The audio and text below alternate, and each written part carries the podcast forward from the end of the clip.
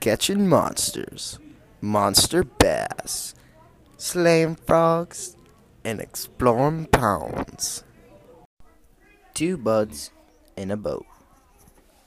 Hello, my name is Kale, aka K Windy 21. And I'm Connor, aka CT Smith 35, We both like to fish and explore outdoors. and tell the stories of our great adventures. So, Connor, I got this question here. Why are you in this picture with frogs that seem to be dead? I went frogging with my dad. You were invited to go, but you didn't. We went to a big pond slash small lake, and we ended up going all the way around the pond a couple times. And you know, it's in the middle of the night, so that's why it's dark. And we both got a limit of frogs.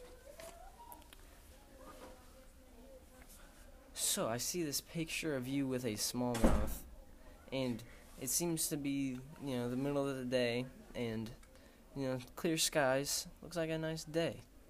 What were you doing? You see, I was uh fishing with my grandpa. It was really hot, as you can see. That's why it was really sunny.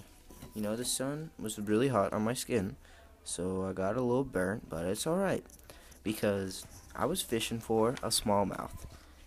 Our smallmouth in our pond. When I try to catch them with the lure, it doesn't work.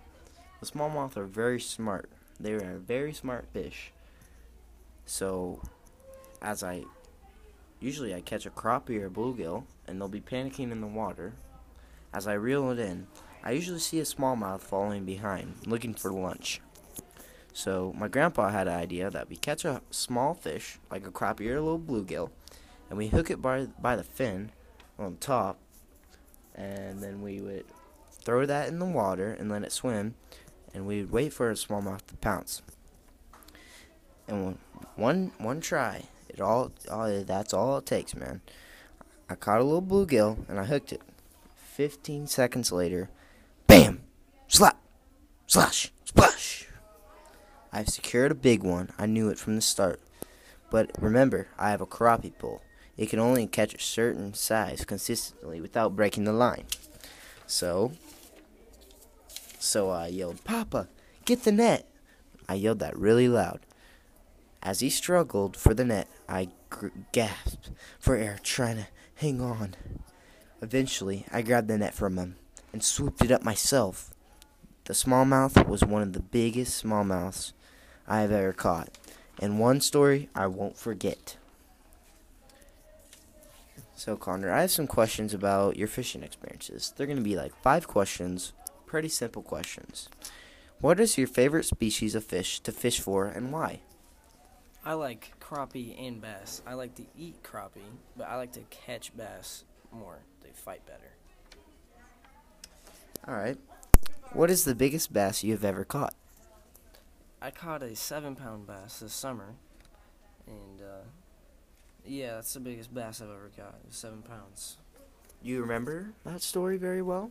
Yeah, so I was, it was, we just got back from weights, and we went to a small pond in Greentop, and we were fishing, and I hadn't been there probably 20 minutes, and I, I kept hearing this plopping sound out in the water, so I cast it at it, and I reeled it in, and then I felt just something attack my bait. So then I reeled it in, I had to get it through all these weeds, and by the time it got to me, I picked it up, and the lure fell right out of its mouth.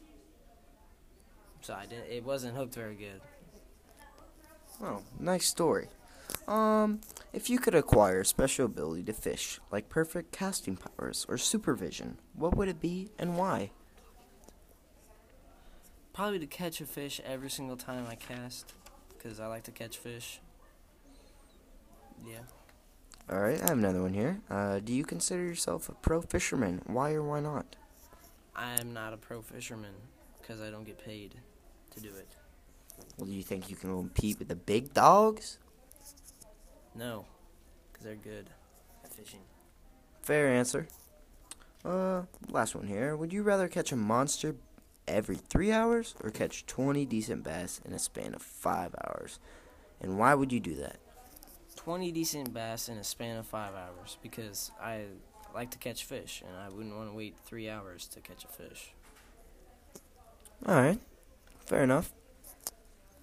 Now, Kale, I have some questions for you. Where, Shoot your shot, buddy. where is your favorite place to fish? I like to fish in the ocean. You know, we're talking about ponds and stuff, but you know, fishing in my pond's pretty cool, but catching big red snappers where it's at. What is your favorite lure to fish with? Oh, I have many lures I like to fish with, but one of my favorites is a chatterbait. I like the way it, it moves in the water. What is your favorite species of fish and why? My favorite species of fish is probably a smallmouth bass because of I think of them as a holy animal in my species of fish in my pond. You know, my dad built the pond. It's it's like 5 or 6 years old, maybe 7, pushing 7.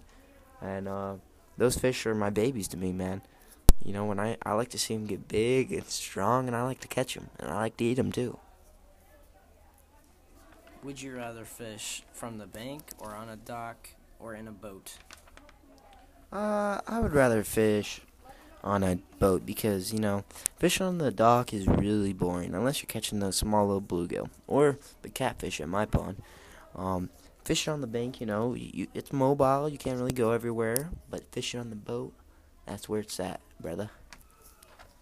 Would you rather fish in saltwater or freshwater? I'd probably fish in salt water, you know, bigger fish, better fights. You don't know what you're going to catch in the ocean, you know. Ocean is huge, man. There's many species of fish. You don't know how many fish could be out there, man. It's crazy. Um, I have a question for you, for for me and ourselves. This is a topic going around. How has fishing changed our lives?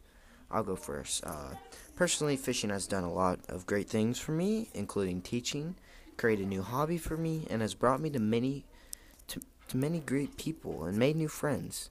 Teaching me patience, not just for fishing, but for life in general. Created a whole new hobby for me, and my, my dad built the pond for my brothers to fish for when we would grow up together. I haven't been into fishing that much until I started catching fish and watching YouTube videos, and that brought me excitement and I love the atm- that atmosphere, man. I've also met really good friends like that. You know about my catches. That I learn about their catches, like yours. That brings me to the point. Fishing is a life is not is a lifestyle for me and a part of my life. I really like fishing because it's something that I really enjoy doing and it's a great hobby. Fishing is different than other hobbies, like sports. Sometimes sports almost feel like a job.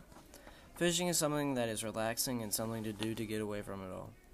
And just have fun.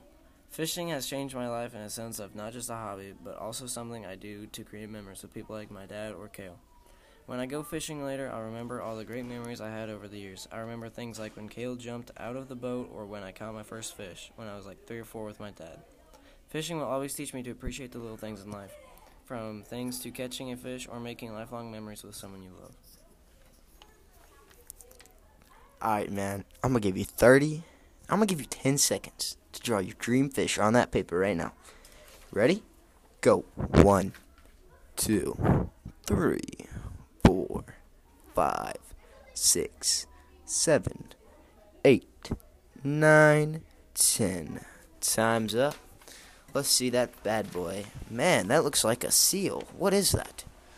That's that's just a really big bass. Like That is a big bass. that's just you know, twenty pound bass, really That- big, That's crazy. What color is it? bass colored. Oh, I like that. Uh, all right, guys, I'm gonna wrap the podcast up with a joke. Connor, I got a joke for you. Where do fish keep their money?